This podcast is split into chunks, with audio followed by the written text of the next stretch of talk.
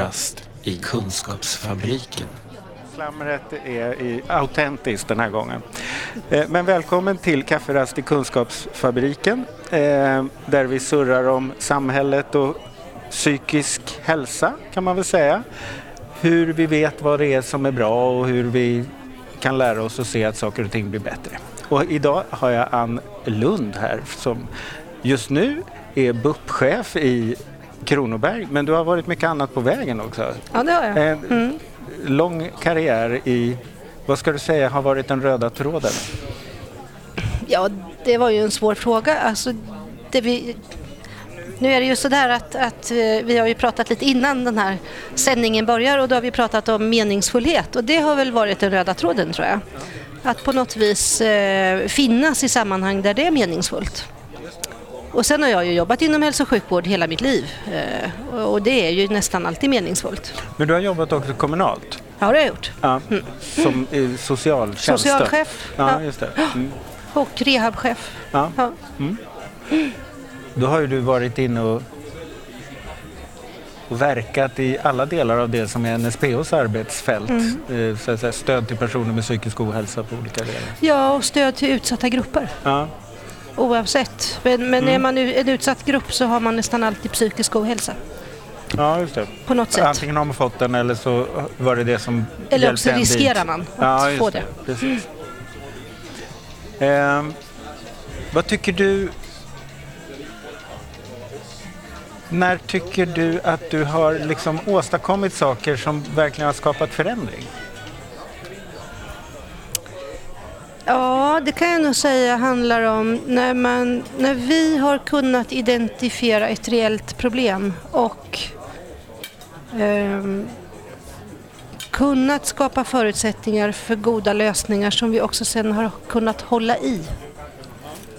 Att inte bara på något vis eh, göra någon enstaka insats som sen dör utan att, att faktiskt hålla i och hålla ut är och följa resultat.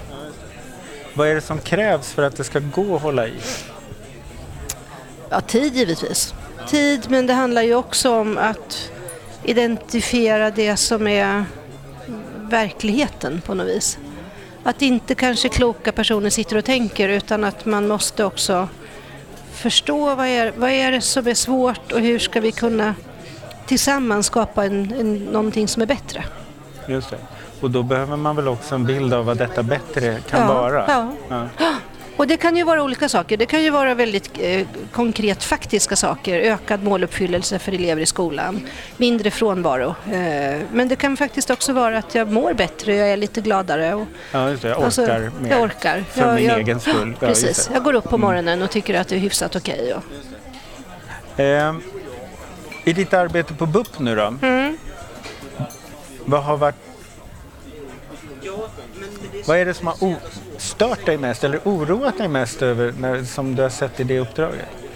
Ja, alltså det som oroar mig mest är ju faktiskt att vi får så många barn till oss som mår så dåligt och att vi får barn som är lite för gamla för att komma till oss första gången. Alltså 15, 16, 17 år. Ja, Alltså rent formellt hör de till er men Ja, ja. Det hade varit, ni hade kunnat Vi göra mer hade, om... vi hade behövt träffa de barnen när de var 8-9 för att kunna förebygga att de mår så dåligt som de gör Eller idag. hade någon annan kunnat förebygga det? Absolut. Skolan, första linjen, absolut. Alltså skolan är ju en jätteviktig verksamhet eh, och, och där man möter barnen varje dag. i Och Princip. där alla barn är? alla barn är. Mm. Eller alla barn borde vara. Ja. Så det, det tänker jag, det kan oroa mig mycket. Det oroar mig att, att psykisk ohälsa går ner i åldrarna. Vi får idag eh, 10-11-åringar med ganska omfattande tvång. Eh, flickor som mår dåligt, duktiga flickor som inte orkar. Pojkar som straffar ut sig tidigt. Känner du igen det här? För att det finns ju många som på något vis för, för, menar att, att, att, det, att man numera tycker att sånt som är svårt i livet också är sjukdomar och att det är eh, Vissa debattörer kan väl låta som att man tycker att man klemar bort men andra att, att det har blivit någon slags förskjutning i att man förväntar sig så mycket av livet att det aldrig ska vara besvärligt. Nej, det tycker inte jag att jag ser. Inte, inte de remisser och de barn som kommer till oss. Där tänker jag snarare tvärtom, att barn har det ganska tufft idag. De barn som kommer till oss bär också ett, ett stort ok av att rodda i familjer som kanske inte klarar av att, eller föräldrar som inte klarar av att vara föräldrar. Och man klarar inte av skolans krav, man, man klarar inte av att vara kompisar. Alltså, jag, jag tänker att det, de barn som vi har, de, de har behov också av stöd. De har, de har tyvärr kommit rätt Ja, när de kommer de har kommit Ja, rätt. ja, Och vi, vi följer ju det noga. Vi, vi har ju... Alltså vi tittar ju på våra remisser. Vi får mycket remisser från elevhälsan, vi får mycket egenremisser. Vi avslår nästan inga remisser. För vi förstår att det här är barn som behöver den specialiserade psykiatrin. ni, är- får ni många fler? Alltså är det många fler barn som, får, som mår dåligt som kommer till er eller är det det att Ja, många fler är väl att ta. Vi har, de åren jag har jobbat har vi haft kanske från 900 remisser per år till 1100 remisser per år. Och det är klart att det är Det väl en ganska markant ökning. Ja, det är det. Och av dem då så ja. avslår vi nästan inga va? Och jag tänker att vi skulle nog behöva ha fler remisser. Alltså fler skulle behöva ha stöd av oss och då tidigare.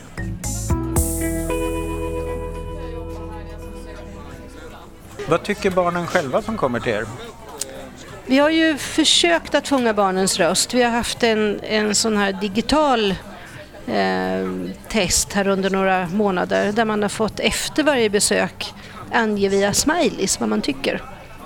Tyvärr har vi haft väldigt, väldigt låg svarsfrekvens eh, och vi har funderat mycket på vad det betyder. Är det så att vi inte har uppmuntrat eller är det så att man inte vill? Eh, De som har svarat har ju varit nöjda. Men det säger ju inget. Nej, jag är så nöjd det går ju an. Ja. Men vad är det ni skulle vilja få, för, få feedback på? Ja, det är ju rätt mycket. Vi skulle ju vilja få feedback såklart på har vi förstått? Har vi förstått vad det här handlar om? Och, och vi hade den här undersökningen då, vi har testat den vid två vändor och första gången så var det helt tokiga frågor. Så då la vi ner rätt mycket tid på att formulera frågor på ett klokt sätt och då var det faktiskt så att Tycker du att, att du har blivit bra bemött? Tycker du att vi har förstått? Tycker du att du har fått hjälp? Så det var egentligen bara tre frågor. Eh, och den mellanfrågan där är väl den absolut viktigaste. Tycker du att vi har förstått dig? Det låter ju klokt. Det finns ju en ödmjukhet i det. Ja, och, också en, en, verkligen en önskan att, jag menar, vi kan väl göra vad vi vill men har vi inte förstått vad barnet önskar så kvittar vi det. Eh, Så väldigt, väldigt tråkigt tycker jag att det var så få som svarade för det hade ju kunnat vara hjälpsamt för oss. Ja, just det. Och fundera på om det finns andra sätt att ta reda på det. Ja. För att jag, det låter ju som en viktig feedback. Som Ja. sagt. Ja. Och det är klart att det gör. Jag menar, vi har ju pratat mycket om fokusgrupper och sådär. Alltså, vad, vad hade du önskat? Hur skulle det ha varit för dig om du hade? Och sådär. Det handlar, det, vi, vi pratar så jättemycket om hos oss att man måste skapa allians med barnet och med föräldern och man ska tona in sig och så. Och det är ju de mjuka värdena, men vi måste också förstå. Skulle många tolka förstå som ett mjukt värde? Ja, det är ju både ett mjukt värde och, och ett faktiskt värde. Vi, vi vill förstå dig. Och för det är det att, Alliansen går till på. Ja. Ut på. Ja. Ja. Men man kan ju inte bara ha en allians. Alltså jag kan ju tycka att du är jättetrevlig men om jag sen inte kan hjälpa dig då, Ja, då- kvittar det Då ju. kan jag gå någon annanstans. Vi kan väl fika ihop men, men vi behöver ju, alltså du, om man nu tänker så, en patient-behandlarrelation så behöver man ju också faktiskt få verktyg för att, att, att ändra på något. Tycker du att ni förstår? Jag tycker vi förstår bättre och bättre.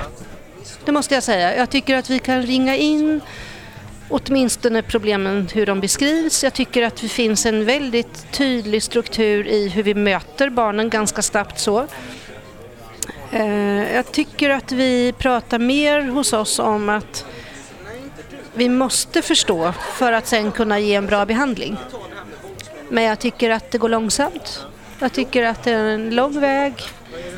Just nu som det är här i Kronoberg så pratar vi väldigt mycket om att det är en volymfråga. Alltså det är så stort, stor efterfrågan på våra insatser så med de resurser vi har så kan vi inte erbjuda det vi vill. Och då tänker ju vi hos oss, att, och det tror jag alla tänker, att tidiga insatser är smart. Eh, har man bra underlag med sig in, klokt att använda dem snabbt innan de blir för gamla. Det är bättre att möta ett barn som är 8 år än att möta ett barn som är 17 år. Eh, men vi måste hitta en, ett paradigmskifte på något vis också. För, för just nu så kan vi inte möta alla de här barnen. Nej. Men jag tänker också att en sak att komma in tidigt.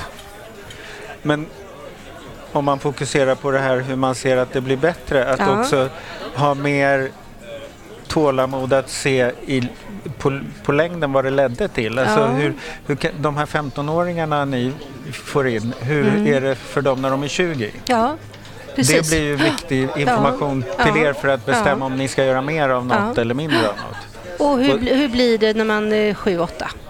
Just det. När man Mm. sen går Vad högstadiet? hade vi kunnat göra då istället? För länge sedan så ställde jag frågan till en, till en vuxenpsykiatrisk klinik. Eh, hur många av dem som är patienter hos er hade också kontakt med BUP? Och det var ganska många. Och då blev ju nästa fråga, och vilka slutsatser drar ni av det? Just det. Och då- Går ni och förbannar Ja. BUP och säger Ja. att de löste ingenting? Eller, och hur sker dialogen med BUP? Alltså, vad lär vi oss när vi tittar bakåt? För det är där vi kan ändra framtiden på något vis. Va? Och det var en ny fråga för dem kan jag säga. men, ja, just det. För mig blir det också lite ny insikt så där att tidiga insatser handlar ju också om i lika hög grad om, om bra uppföljning, på Ja. långa uppföljningar. Och det är ju inte så att alla som är patienter på BUP också blir patienter i vuxenpsykiatrin. Men det var faktiskt, ja, ja, det var faktiskt så att väldigt många av dem som hade i vuxen ålder kontakt med vuxenpsykiatrin också hade haft bekymmer när de var barn. Och framförallt blir det väl intressant att titta på de som har varit på BUP men inte Ja. hamnar i vuxenpsykiatri. Ja. Vad var det vi Vad råkade skill- lyckas vad var det med som gjorde skillnad? Ja, det. Mm. ja, vad spännande. Ja. Jag förstår att du har hållit i den här sektorn om du vill göra meningsfulla saker. Ja. Vad är det som är riktigt roligt då? Ja, det är, väl, det är ju alltid möten. Alltså det är alltid möten. Jag träffar inte så mycket patienter i mitt jobb, jag träffar ju medarbetare. Alltså när, när en medarbetare kommer in innan man går hem och säger du vilken, vilken, vilken fantastiskt möte jag haft idag med Alma eller Viktor eller vad de nu heter. Åh, det var underbar unge att utreda eller nu funkar medicineringen. Alltså det, det är ju det som är kul. Och det är också väldigt roligt att arga föräldrar som ibland ringer tillbaka och säger du, jag vill bara säga att det blev riktigt bra. Och där tänker jag också just de här längre uppföljningarna. Eh, är det något som personal i psykiatrin är svältfödd på är det ju att träffa de patienterna när de mår bra. Ja. Eh, så det borde man ju verkligen sätta i system Ja. för att muntra upp. Jag pratade med en sjuksköterska, så hon är pensionär, hon var inne och jobbade hos oss lite här extra, så kom hon förbi mig. Så sa du, jag vill bara säga, jag träffade en, en, en av mina gamla patienter. Och hon hade väl träffat honom när han var ganska liten och nu hade han hunnit att bli 17 år. Och, och så, jag ser en ung man framför mig som tittade mig i ögonen och som log och sa ”Tjena!” Nej, så hon, är det du? Och då, alltså, för, för henne var det en sån fantastisk bekräftelse på att det hon hade, det här var en kille med ADHD-problematik, gick nu gymnasiet, det gick jättebra. Han hade satt ut sin medicin, han hade hittat copingstrategi, det gick jättebra för honom. Denna strulpelle som hon väl hade träffat när han var 8-9 år och som nu var en, en ung man på väg ut i livet och glad. Och, det är väl fantastiskt. Och den är ju fantastisk för att det, det blir så att säga en omtumlande berättelse. Ja. Men i det här fallet så är alltså det fantastiska skulle man ju kunna systematisera. Ja, absolut. Jag tror det nästan har gått en kafferast här. Ja, var det nog. Det var väldigt trevligt. Ja, tack Ann. tack detsamma. Ja, vi hörs. Hej. Den här podden görs av NSPH, Nationell samverkan för psykisk hälsa. Läs mer på vår hemsida www.nsph.se